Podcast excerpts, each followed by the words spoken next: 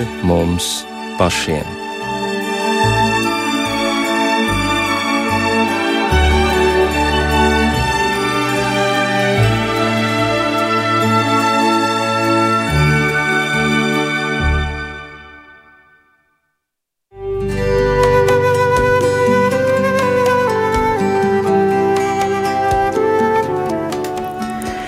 Esiet sveicināti rādījumā pāri mums pašiem, lai ir slavēts Jēzus Kristus.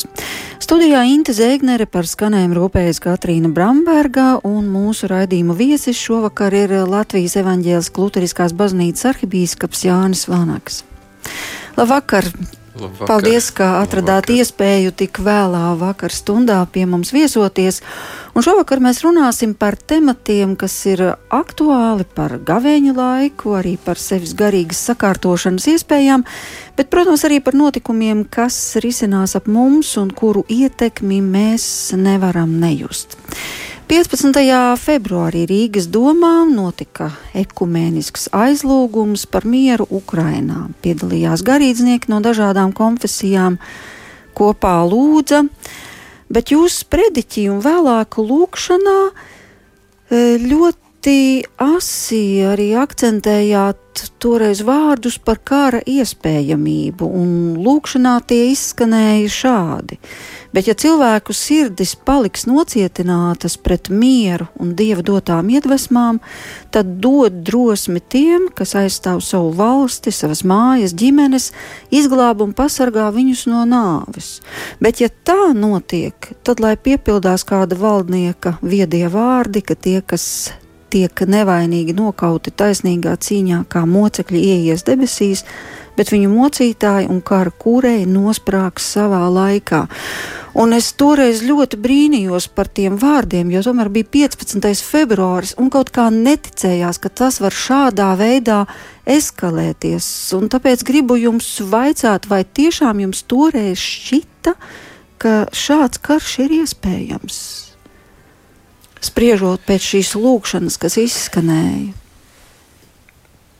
Nu, tajā laikā, protams, es domāju, maz bija cilvēku, izņemot tos, kuri droši zināja, kas ticēja, tā, nu, kas bija pārliecināti, jā, ka tas notiks.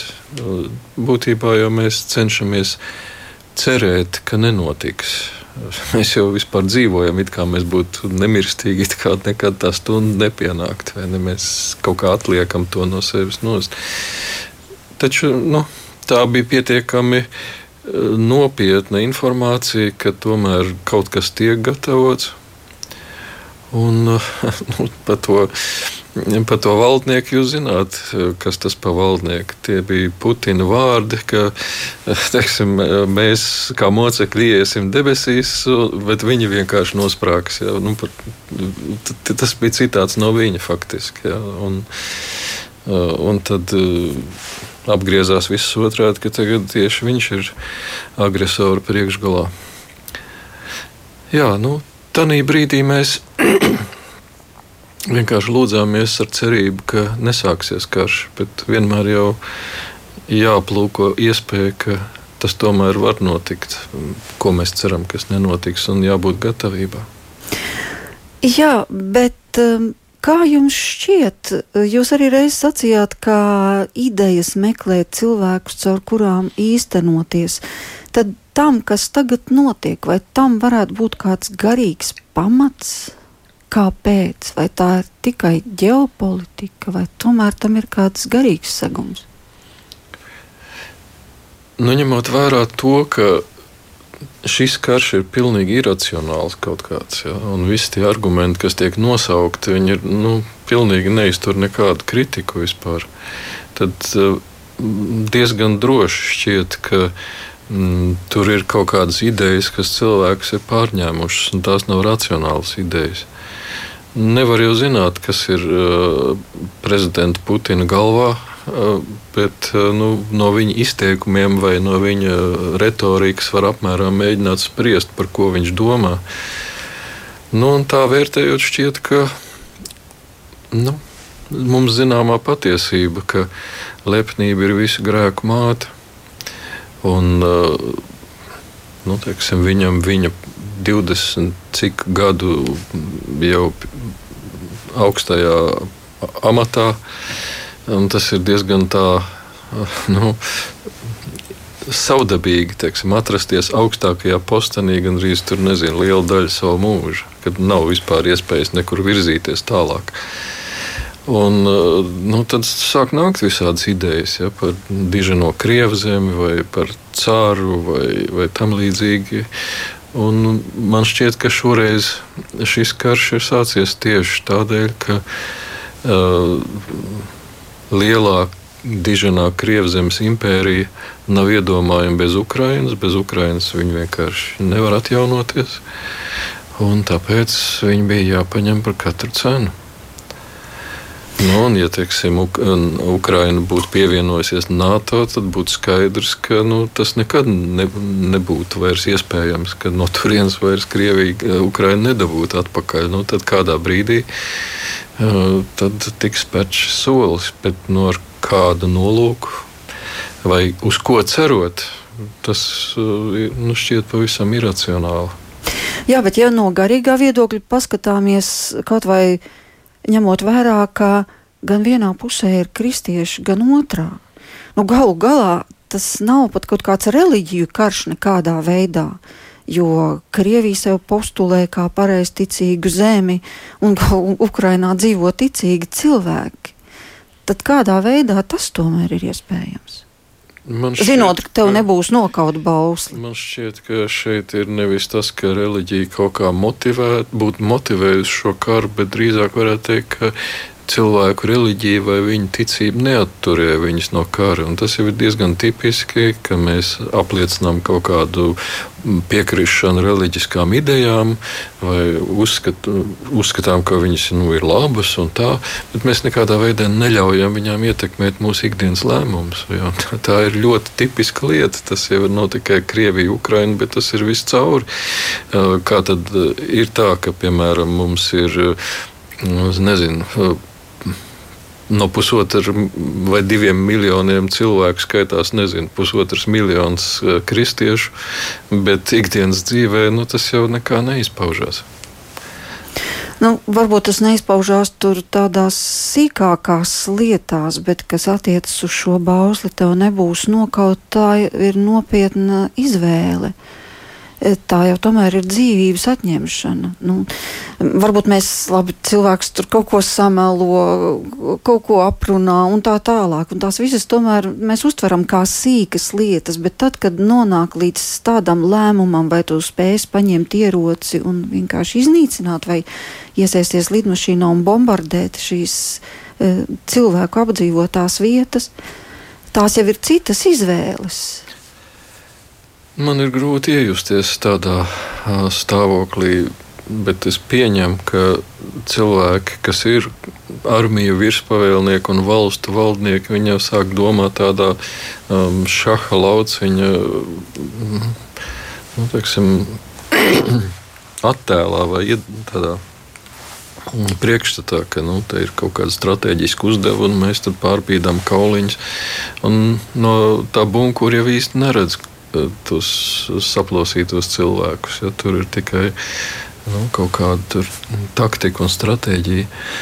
Un, man liekas, tas no, var notikt ar cilvēkiem, kuri ir nu, tādā monarhiskā stāvoklī, vai kuriem apkārt nav mm, nu, neviens, kas uzdrīkstētos viņam pateikt patiesību. Man liekas, katram cilvēkam, kas kaut ko nopietnu dara savā dzīvē, sevišķi kaut ko tādu, kam ir iespējas vai noteikšana par citu cilvēku dzīvēm un likteņiem, ir nepieciešama nu, kaut kāda mm, padome, kam viņš atskaitās. Ja, pat, ja tie, pat ja viņš ir priekšnieks, bet tomēr nu, kaut kāda cilvēka, kas var viņam pateikt vai ar ko pakonsultēties. Jo, nu, cilvēki principā neprot domāt. Jo domāt nozīmē nevis tas, ka man domas ienāk prātā, bet tas, ka es spēju pamanīt kaut kādu vai uzstādīt kaut kādu domu vai kaut kādu tēzi, un tad pats viņu mēģinu visādā veidā apstrīdēt un pārbaudīt. Tā jau ļoti maz cilvēku domā. Un tad uh, un arī tikai tie, kas ir trenēti kaut kādā spēc, savā zināmā kompetenci laukā, to varbūt dara. Bet tad mēs šo problēmu risinām sarunājoties ar citiem. Un citi ir tie, kas veic šo funkciju. Un tas, starp citu, arī ir tas, kāpēc runas brīvība ir tik svarīga. Ja, lai varētu vispār nonākt pie patiesības, ka ir iespējams teikt kaut kādas citas idejas, citas lietas. Nu, spriežot pēc visa, nu, sevišķi noskatoties to drošības padomus sēdi, tas bēdīgi slaveno, kur varbūt jūs zināt, ka tur bija, kur prezidents Putins bija sapulcinājis to savu drošības padomu, un tad visus pēc kārtas cēla augšā un lika viņiem izteikties. Ja, bet tur jau viņi ar trīcošām rokām tikai piekrita un atkārtoja viņu pašu vārdus. Acīm redzot, viņam nav nu, tāda cilvēka loka, pie kā pārbaudīt savas idejas, vai savas vēlmes vai nodomus. Un tas ir bīstami. Sevišķi, ja cilvēks ir kaut kur augstākā uh, postenī vai ir ar ietekmi un resursiem, kur katra kustība var izraisīt milzīgu efektu, tas būtu vēl vairāk nepieciešams.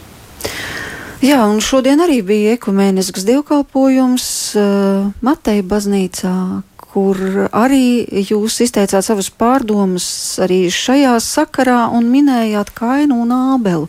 Kā tas gan šeit būtu velkams paralēlis? Nu, tas, man liekas, ir ļoti uzskatām un acīm redzami, jo uh, vismaz tā Krievijas retorika līdz šim ir bijusi tā, ka nu, Krievi un Ukraiņi taču ir brāļu tautas, tie ir divi brāļi. Uh, un, uh, Nu, tagad viens otru galina nost un izpost uh, viens otru mājas. Un tas ir nu, pavisam nepārprotami. nu, nu, bet labi, bet kād, kāds tad bija tas kaina um, motīvs? Nu kā, nu, nu, nu, teiksim, Ābels bija labais zēns. Ja, viņam viss, dievs, uz, dievs viņam smaidīja, ja, un cilvēkiem viņš patika visiem. Un, kad viņš nesa kādu upuri savā dzīvē, tad viņam tas nākotnē uzlaboja, un viss gāja no rokas.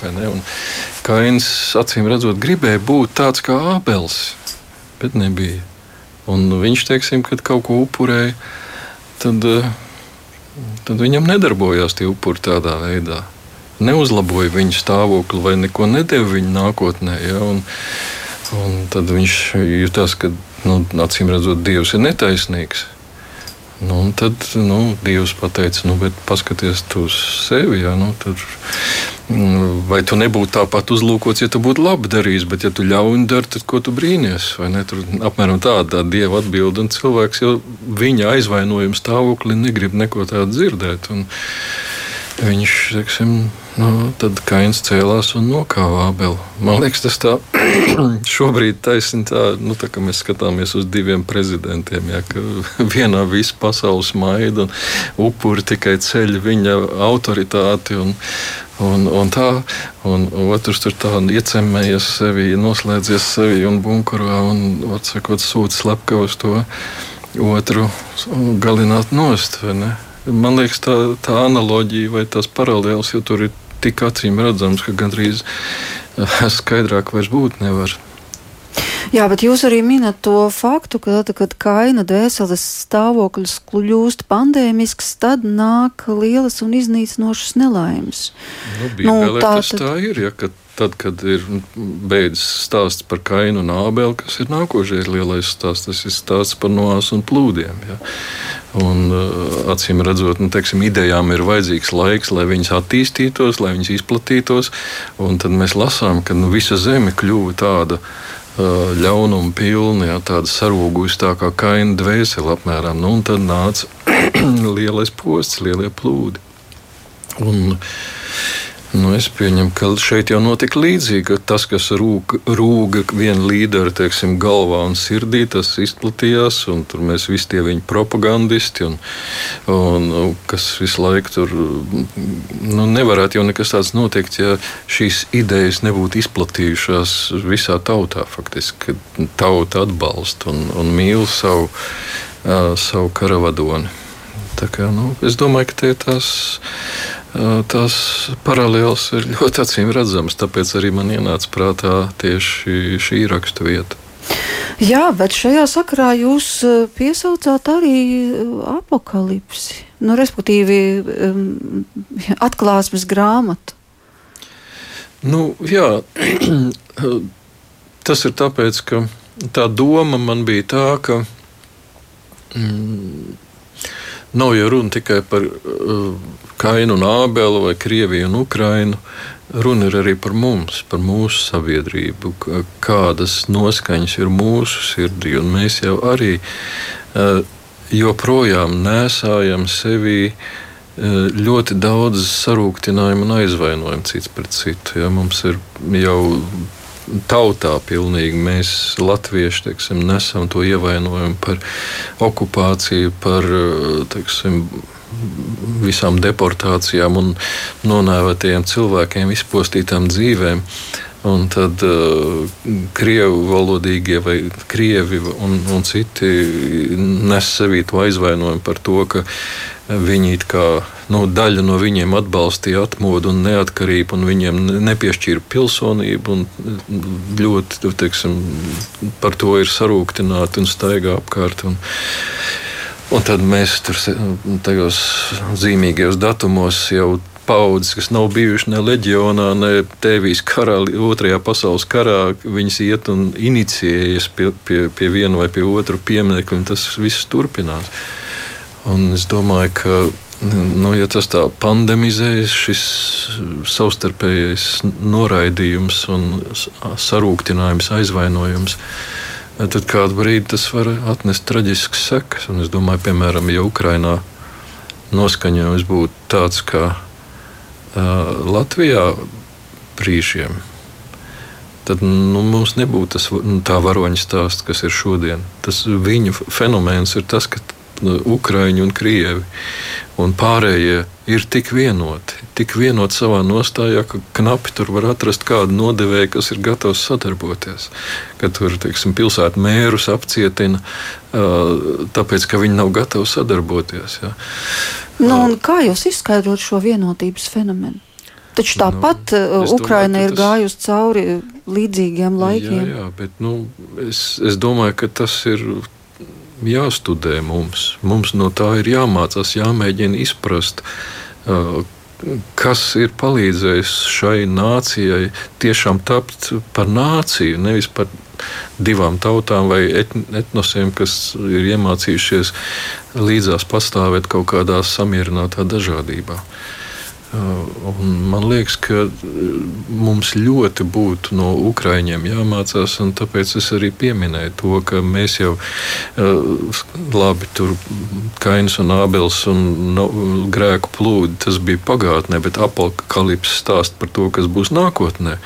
Un tur ir šie apakalips jātnieki, kas ir, teiksim, karš un, uh, un nāve un elle, un kas iznīcina tur, nezinu, ceturto daļu no cilvēkiem cilvēks un tam līdzīgi. Ja, un, ja mēs, un tas sākas tad, ka vai tas notiek tad pēc tās Bībeles loģikas, nu, kad cilvēkos ir savaino, savairojies tas. Nu, rūkums. rūkums, aizvainojums, nenovīdība, naids citam pret citu. Ja, tad tas notiek. Jo nu, būtībā šīs lietas ir tā, tādi logi no elles, pa ko elle var pūst savu gaisu iekšā. Ja, tur, no turienes, kur viņi atrodas, visas šīs lietas. Nav jau nekāds noslēpums, ka cilvēki jūtas nedroši šajā laikā. Kaut arī, protams, mēs visu laiku dzirdam to, ka mūs sargā NATO piektais pants un ka tiek pastiprināta drošība un daudz ko citu dzirdam, bet uh, tomēr šis uztraukums pastāv. Un uh, arī vēlme varbūt izzināt nākotni, kas ir arī cilvēkam gluži dabiska. Tiek meklētas kaut kādas paralēlas ar Jāņa atklāsmes grāmatu, tiek meklēta kopaina. Kā jūs redzat šo kopainu? Nu, mums jau nav apsolīts, kā saka, uh, rozēm kaisīts celiņš. uh, bet ļoti gribētos. Ļoti gribētos, bet tas mums nav apsolīts, diemžēl. vai par laimi, varbūt, jo bez izaicinājumiem jau cilvēks arī nepieaug nekad. Bet man šķiet, ka mums vajadzētu atcerēties to vienu lietu, ka dzīve notiek šajā brīdī. Un mums vajadzētu vairāk dzīvot šajā brīdī, un darīt to, kas ir jādara, un neļaut kaut kādām ļaunām nojautām vai gaidām izpostīt to mirkli, kurā mēs dzīvojam. Nu, tas ir. Man ir jautājuši, nu, kā, ves, kā vispār nu, var atļauties vēl dzīvot un priecāties par dzīvi un baudīt to, kas ir labs, ja blakus tādas šausmas notiek. Bet nu, mēs nevaram ļaut arī teksim, Kremlim izpaust, izpostīt arī mūsu dzīvi. Pietiek jau ar to, ka viņš izpostīs dzīvi Ukrajinā. Un, um, tāpēc man šķiet, ka tas ir drusku neauglīgi mēģināt dzīvot nākotnē un baidīties no viņas. Protams, es saprotu, ka vajag gatavoties. Uh, vajag būt gatavam. Es domāju, šis laiks varbūt uh, parāda to, vai liek saprast to, ka mūsu dzīvē ir ļoti daudz vieglprātīga, sekla, mazvērtīga. Nu, tā nu, dzīvojam vienkārši un izklaidējamies, kas, kam nav jēgas. Ka tiešām ir vērts darīt to, kam ir nozīme, dzīvot teksim, strateģiski. Un tādā ziņā tas ir nu, tas labais, ko mēs no šīs draudīgās situācijas varam iegūt, ka mēs varam tiešām mēģināt ieraudzīt, kas ir tā vērts, lai to darītu arī tādā brīdī, kā šis. Uh, piemēram, mēs varam gatavoties uh, tīri miesīgi. Ja? Jūs zināt, pa 72 stundām sakrāmēt mugursomu un tā tālāk. Uh, tas ir ieteikts, bet uh, ko tas līdzi, ja tev ir sakrāmēt mugursomu, ja tu viņu panest nevar? Ne, tad arī nu, teiksim, mēģināt dzīvot uh, veselīgi, nostiprināt sevi, norūdīt tam visam ir vērtība. Bet tādā pašā veidā arī teiksim, garīgi sevi norūdīt, būt izturīgam arī pārbaudījumu brīžos, lai teiksim, nu, tie pārbaudījumi, ka viņi nāk, lai nesadragā tev tik vienkārši. Un, protams, Dievs jau arī palīdz, un cilvēku ticība palīdz. Mēs redzam, ka ka Ukrainā cilvēki iztur pilnīgi neticamas lietas, ja, un ka mēs arī varam saprast, ka mēs esam stiprāki nekā mēs varam tam noticēt paši. Un ka mēs arī izturēsim, ja tas gadījumā mūs piemeklēs šā vai tā, bet mēs izturēsim. Ja, mēs esam pieraduši varbūt pie zināmām vērtībām, bet mēs izturēsim arī to, ja tā, to vairs nebūs. Bet ko nozīmē garīgi izturīgi? Tad mums kaut kas ir jādara, lai mēs tādi kļūtu. Nu, no savas puses var teikt, ka mums vienkārši ir jādara tas, priekš kam, piemēram, gavienis ir domāts. Proti, dzīvot ar Dievu savā dzīvē, piedalīties Dieva dzīvē un aicināt viņu piedalīties mūsējā. Un tad tu, varbūt tie vārdi cilvēkam, kas to nepiedzīvo, ir diezgan tukši, ja, bet, bet tiem, kas dzīvo ticībā, kas realizē īsteno savu ticību, viņiem tas ir diezgan skaidrs. Ja Dievs ir ar mani, kas būs pret mani? Un tāpēc, kad Pilnīga mīlestība aizdzen bailes, ir apsolīts. Ja, ko tas nozīmē? Kā pilnīga mīlestība aizdzen bailes? Nu, pilnīga mīlestība uz Dievu vai pilnīga mīlestība uz Kristu panāk to, eh, ka bailes atkāpjas. Jo tu zini, ka tad arī tad, ja tev būs jāpiedzīvo kaut kādi pārbaudījumi, ja, tad tu vienkārši dalīsies dzīvē vairāk ar, ar to, ko tu mīli. Tu būsi viņam tuvāk. Nu, To varbūt ir grūti pateikt vārdos tā, lai cilvēks noticētu, kas nav to pārbaudījis. Bet tā tas darbojas. Nu, bet tāda līdz tam ir kaut kā jātiek. Kādā veidā? Nu. Viegli jau tā pateikt par to, ka mīlestībā baiļu nav, pilnīgi mīlestība bailes aizdzen. Uh, Bet, ja manī viņas ir, tas nozīmē, ka man ir jāveic kādi soļi, lai es līdz šādam stāvoklim nonāktu. Tad kādi? Ar kaut ko taču ir jāsāk. Tad. Bija tāds uh, komponists Dmitrijs Kabaļevskis. Bija, bija. Jā. Un es atceros vienu viņa apgalvojumu. Viņš teica, tā, ka, lai mūziku iemīlētu, tā vispirms jāklausās. Nu, tā ir. Tā tad Un tieši tā, ka, teiksim, lai ticībā to atrast spēku, tev viņus pirms ir jāpraktizē, jākopja. Un tur ir ļoti konkrēti soļi, kas mums visiem ir pazīstami. Ja? Piemēram, mm, nu, kā jau saku, nu, vispirms jau sāk ar tīrīšanas darbiem. Un tas tu, nozīmē ko? Tas nozīmē, ka tu pārbaudi savu sirdi, izmeklē savu sirdsapziņu. Uh, nu, mēģini to konstatēt, ja, kur tad ir tie brīži, kad Dievs ir tavā dzīvē un kur ir tie brīži, kad Dievs ir tālu un ko es darīju tad, eh, kad Viņš ir tālu. Kā es to izraisīju? Ka, nu, ir teikts, ka Dievs nav tālu nevienam no mums, bet ja es jūtos tā, eh, ka, ka Dievs ir tālu, tad acīm redzot, es viņu kaut kā esmu pazaudējis. Ko es darīju? Kāpēc? Kāpēc tāda nedabiska situācija, ka man Dievs šķiet tālu. Un tad es mēģinu to kaut kā darīt mazāk. Uh, ja es to konstatēju, kas tas bija. Ja, parasti tas ir kaut kāds grēks, kas, vai kaut kāds, nu, teiksim, ka mēs uh, apbēdinām Dievu vai iztumjam viņa svēto garu. Ja. Un, tāpat mēs varam mēģināt izvērtēt savas dienas un, vai savu dzīvi un saprast, nu, kuros, not, eh, kuros brīžos Dievs ir tuvu, kad Viņš ienāk manā dzīvē, ko es tad daru, kas atvieglo Dievam to ienākšanu un darīt to vairāk. Un par to, kas teiksim, ir tas, kas attālina no Dieva, to apzināties kā savu grēku. Nožēlot, izsūdzēt un apņemties labot savu dzīvi. Tas būtu pirmais solis. Tālāk es domāju, ka lūkšanas praktizēšana un sākot jau no tā, ka mēs esam draudzes dievkalpojumā. Ja? Tas, tā ir tāda ilūzija, ka tu vari būt ticīgs cilvēks un neiet uz baznīcu. Vai nepiedalīties dievkalpojumos. Jo dievkalpojums ir kaut kas tāds, nu, uz kurien tu ej pēc svētā gara. Jo svētais gars jau, nu kā viņš tiek satverts vai kā viņš tiek pasniegts ar dievu vārdu un sakramentiem. Ja? Un tas notiek baznīcā. Tu dzirdi vārdu sludināšanu, jā, var, var un vajag lasīt mājās, bet, nu, kad pasludināts un izskaidrots vārds draudzes kopībā, tam ir cits pavisam iespējas. Ja? Un arī sakramenti, protams, ir tas, ko Dievs dara pie, pie mums. Un mēs tagad divus gadus neesam īsti varējuši iet uz baznīcu. Mēs jau jūtam, kā tas mūs ir ietekmējis, kad cilvēki ir apjukuši un nomākti un sašķelti un tā tālāk. Nu, Tur jau ir tās sekas, ka mēs esam pārāk maz saņēmuši svēto garu. Tad tas ir tas, nu, protams, arī dažādas citas uh, lūkšanas formas, ko mēs varam meklēt un praktizēt. Nu, mums nav laika visas tagad uzskaitīt, ne? Bet ir uh, daudz dažādas lietas, ko arī pats mājās un ar, ar savu ģimeni var noteikti darīt. Uh, un tad, uh, tad arī tiksim, dievu vārdu lasīšana, studēšana, meditēšana, apcer. Tas ir kalpošana citiem, labos darbus darīt sevišķi gavēņa laikā.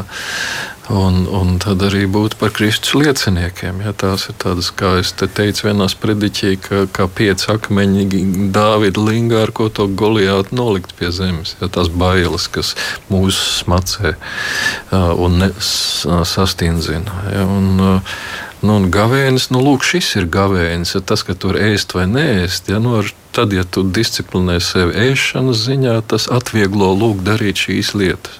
Jo, kā mēdz teikt, ka nu, pilns vēders nemīl studēt, ja nemīl mācīties. Uh, tad, uh, nu, tāpēc lūk, studenti vienmēr dzīvo pusbadā. jā, jā, jā. Uh, un, uh, Un tāpēc gavēņa pirmā lieta, galvenā lieta nav neēst gaļu. Jā, tas, nav, tas nav gavēnis. Jā. Gavēnis pārtikas ziņā ir tikai tas, kas palīdz, te, palīdz garīgi disciplinēties. Ka mēs esam, neesam pārēdušies, mēs jūtam, ka dvēsele, domas labāk darbojas, ka mēs varam arī sevi disciplinēt. Mēs esam atvērtāki garīgam iedvesmam. Mēs pieedamies līdz ūkai, kā saka, tad, ah, tad, tad galva vairs nedarbojas un dvēsele arī. Jā, tā. Jā, bet, nu, ja runa ir par tādu pieešanos, tas ir viens aspekts. Bet, ja cilvēks nespēja sev kaut ko aizliegt, vai tas nozīmē, ka viņš vienkārši nav saimnieks par savu ķermeni? Un tās var būt visdažādākās lietas. Es nespēju atturēties no kafijas. Nu, tā tad vienkārši mans ķermenis mani diriģē. Tas nozīmē, ka nevis gars, bet ķermenis nosaka visu lietu kārtību. Vai var tā sacīt, ka nu, citam domāju, tā būs ka... gaļa vai nē, bet vienkārši vai mēs tādā veidā varam sevi pārbaudīt, vai mēs nosakām, vai mūsu gars nosaka miesai noteikumus, vai arī tomēr miesa visu laiku diktē.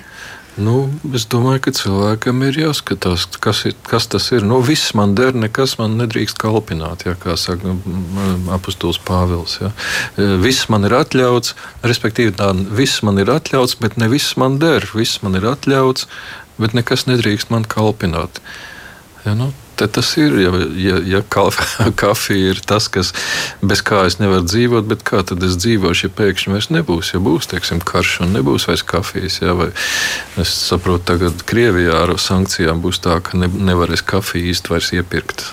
nevarēs neviens par to samaksāt. Nu, tad, tad kaut kā varbūt ir jāpārbauda sevi. Jā. Jā, tieši tas bija mans jautājums. Vai tas nav sava veida tests? Jā, Pamēģināšu es... atteikties, ja nevaru, tad šajā punktā es neesmu brīvs. Jā, bet to nu var darīt uh, jebkurā laikā.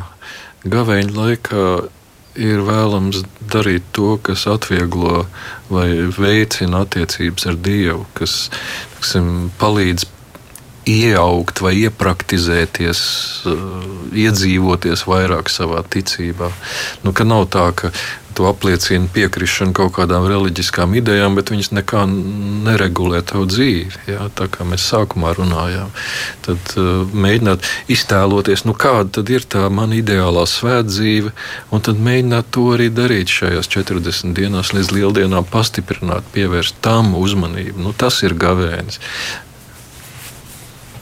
Mūsu viesis ir arhibīskaps Jānis Vanaks, un jūs tikko sacījāt, ka svētā gara spēku var saņemt, ejot uz baznīcu, ejot uz draudzi, un tā tad tur cilvēki uzpildās. Bet, ja cilvēkam nav tāda sajūta, ka viņš būtu kaut ko ieguvis vai saņēmis. Nu, ļoti bieži taču gadās tā, atnācu, paskatījos, aizgāju un neko nepiedzīvoju. Vai tas ir iemesls tomēr sevi, nu, jāsaka tā, gandrīz vai piespiest iet atkal nākošu svētdienu un nākošu svētdienu un nevis bāstīties uz savām sajūtām, uh, bet gan uz to, ka Dievs neredzamā veidā dara savu darbu. Ka kādā brīdī tā puķa uzplauks, tā dvēsele atverās, pārmaiņas notiek. Es domāju, ka, protams, mācītājiem ir tāds bauslis, tev nebūs savu tuvāko garlaikot ar Dievu vārdu. tas ir. Tas dzirdējis tāds. tas ir būtībā nu, nu, liela neveiksme vai nu, noziegums, vai kā lai saka, ja cilvēks, kas sēž baznīcā, ka viņam ir garlaicīgi tur, piemēram, klausoties. Jo nav nekā interesantāk faktiski par to, kā Dievs strādā ar tavu dvēseli un, un to, ka, ko Dievs atver tavā priekšā. Tā kā ja mēs mācītāji neprotam to pietiekami labi, kā saka, celt priekšā vai cilvēkiem palīdzēt to piedzīvot, tā ir mūsu vaina un mums tad acīm redzot jāceļ kvalifikācija.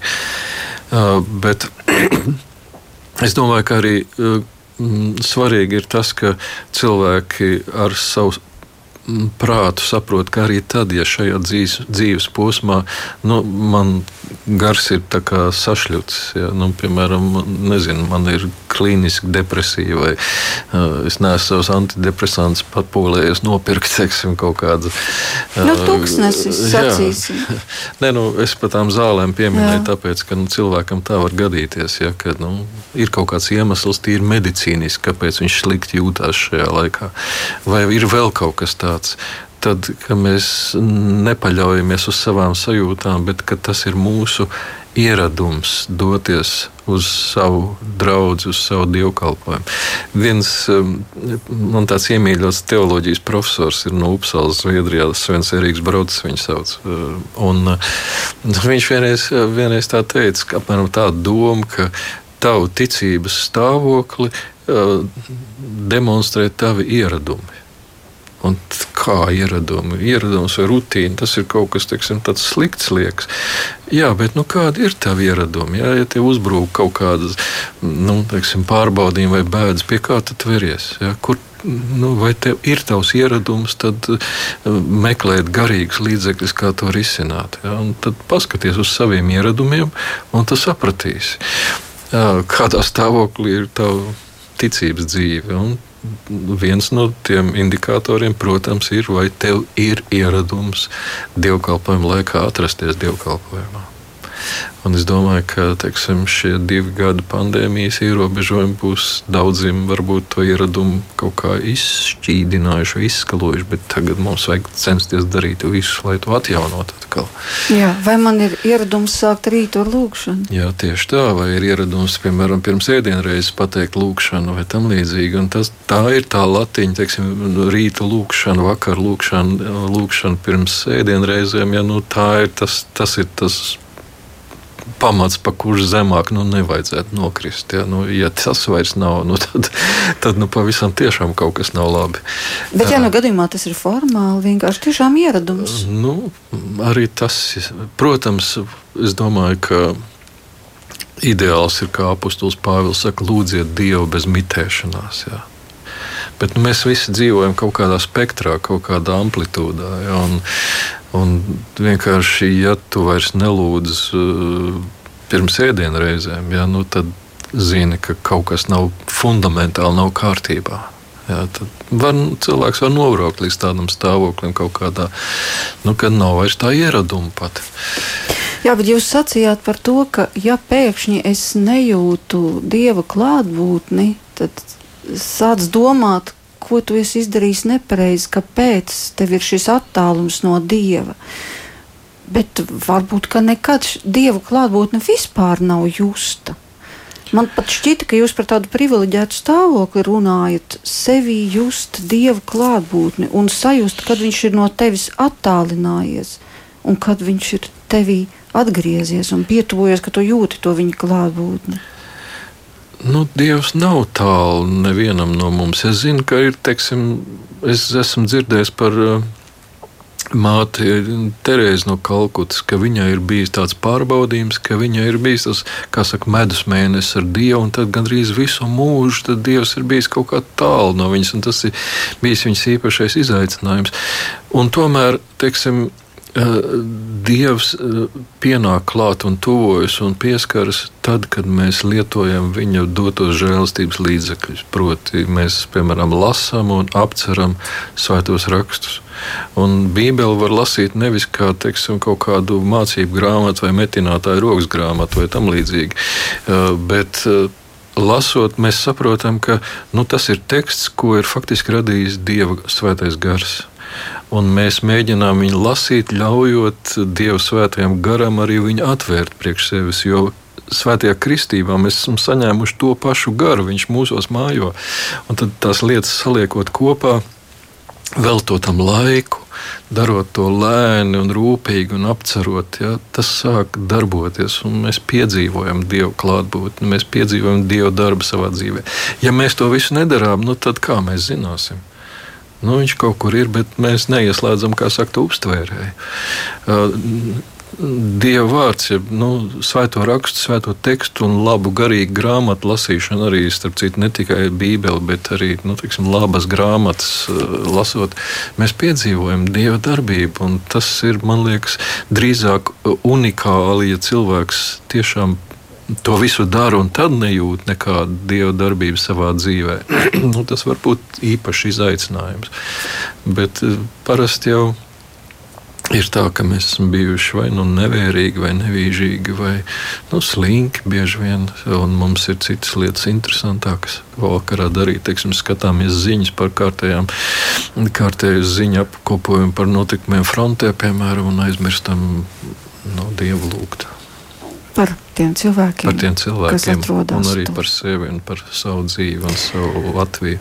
Jā, man ir vēl viens jautājums par to mūsu izdzīvošanas instinktu, kas mūsos ir ielikts un kura dēļ arī dažkārt ir šīs bailes par to, kas būs, kā būs, kad tiek īpaši skandināts par atomieročiem un, un draudiem ik pa brīdim atskan tādi signāli, izdzīvošanas instinkts, tveršanās pie dzīves. Bet kāpēc tikpat izteikts nav šis mūžīgās dzīves instinkts par to, kas būs pēc tam? Jo agri vai vēlu mēs šo zemi pametīsim, bet kāpēc nav šīs bailes par to, kas būs pēc tam, kad man būs jāatbild? Nu, bailes no nāves ir dieva nu, dāvana, varētu teikt, vai, vai tāds drošinātājs. Jo cilvēkam nav labi aiziet pirms laika. Viņam ir nu, teiksim, jāiz, jānodzīvo visa dzīve. Un, ja cilvēkam nebūtu bail no nāves, tad, teiksim, vai nu cerot uz, uz paradīzi, vai varbūt nevarot panest dzīves nastas, būtu daudz vieglāk spērt to soli. Nu, tad labāk, lai es nedzīvoju šeit, šajā pasaulē. Jā, bet Tāp, tas ir šis viens līmenis. Tas ir, tāpēc tāpēc tam... arī teiksim, bailes no nāves, tās bioloģiskās bailes no nāves ir tas dievu iedotais aizsargu mehānisms, lai cilvēks teiksim, nemēģinātu priekšlaicīgi kaut kā aiziet no šīs nu, dzīves. Nu, tā arī ir dāvana. Bet tālāk sakot, tā mūžība, kurā tu vairs nevarēsi neko mainīt, kurā tiks noteikts tavs liktenis uz mūžu mūžiem, kāpēc no tā mums nav bail? Es neteiktu, ka nav bail. Es domāju, ka tās ir tādas nu, teiksim, diezgan nopietnas šausmas cilvēkam, kurš nopietni domā par par to, ka būs jāstājas Dieva priekšā. Ja, ka, teiksim, kā ir teikts Bībelē, cilvēkam nolemts vienu reizi mirt, un tad jānostājas Kristus soļu krēslu priekšā. Ja, tad nepievilieties, Dievs neļauj apsmieties. Ja. Ko cilvēks ir sējis, to viņš arī pļaus. Nu, vai nav tā bailīgi drusku lasīt šos vārdus? Bet, ja būtu šis krampjainais, mūžīgās dzīves instinkts, šis, šī tveršanās, tad taču 80% cilvēku būtu nu, baznīcā svētdienā. Nu, tā, tur ne? lieta ir tāda, ja, ka Dievs īstenībā negrib, lai mūsu motivācija pie viņa tiekties izrietētu no bailēm bailes teiksim, ir pēdējais. Nu, ja galīgi kāds ir tāds kā saka, aiznaglots zābaks, ka viņš nesaprot dievu skaistumu un dievu valdzinājumu. Ja, un, un to nu, vismaz aiz bailēm aiziet pazušanā, nu, tad lai nu, viņš vismaz. Bet tas nav tas, ar ko būtu nu, teiksim, jāsāk. Tas ir varbūt pēdējais brīdinājums. Tāpēc arī, piemēram, savā laikā bija tāds soda veids, kā izslēgšana no baznīcas vai ekskomunikācija. Un tas nebija tāpēc, lai cilvēki iemestu pazušanā, lai gan tas ir ļoti nopietns solis. Jo tāpat kā, piemēram, kad cilvēkam pasludina absolūciju, piedod teiksim, mācītājs viņam grēkus, šī absolūcija tiek ņemta vērā arī debesīs. Jā, bet tad, ja cilvēki ekskomunicē, nu tad, nu, kad Kristus nāks uz pēdējo tiesu, arī tas tiks ņemts vērā, ka nu, tas nav manējais. Un, uh, un Tāpēc un tas ir domāts nevis tāpēc, lai cilvēku pazudinātu, bet nu, kāds ir galīgi nocietināts grēcinieks jau nu, pats dodas tajā virzienā. Nu, varbūt tas viņu nobaidīs, nu, varbūt tāpēc viņš atgriezīsies. Bet Dievs noteikti negrib, lai tas būtu mūsu galvenais iemesls, jo nav iespējams mīlēt to, no kā tu paniski baidies. Un mūsu attiecību pamatā ar Dievu ir jābūt mīlestībai. Tāpēc Dievs, piemēram, nav vardarbīgs. Viņš nepaņem mūs aiz skaustu un nevelk pa taisnības ceļiem cauri dzīvei, bet viņš ļauj mums brīvību, ko mēs zinādams, ka mēs bieži vien viņu izmantosim varbūt nelietīgā veidā. Bet, ja cilvēks nav brīvs, tad viņš nevar Dievu mīlēt. Jā, un Ļoti vēlētos, lai šajā vakarā kaut īsu lūkšanu mēs varētu kopā ar mūsu klausītājiem piedzīvot. Vēl dažas minūtes mums ir. Es varbūt varu pateikt vienu lūkšanu, kas ir mana parastā lūkšana rītos vakaros, un kas, ko es esmu tā iemīļojis. Viņa ir priekšā rakstīta lūkšana, bet uh, man viņa liekas ārkārtīgi dziļa, kur pie katras rindas var apstāties. Lūksim, Kristus dvēsele svētdara mani, Kristus miesa izglāb mani, Kristus asinis, reibiniet mani, Kristus sāna ūdens, nomazgā mani, Kristus ciešanas, stipriniet mani. Labais Jēzu, uzklausi mani, savās brūcēs apslēp mani, pret ļauno naidnieku aizstāvi mani, no tevis šķirties neatļauj man, nāves stundā aicini mani un pavēli nākt man pie tevis. Ar svētajiem taviem, lai slavēju tevi mūžīgi mūžos. Āmen!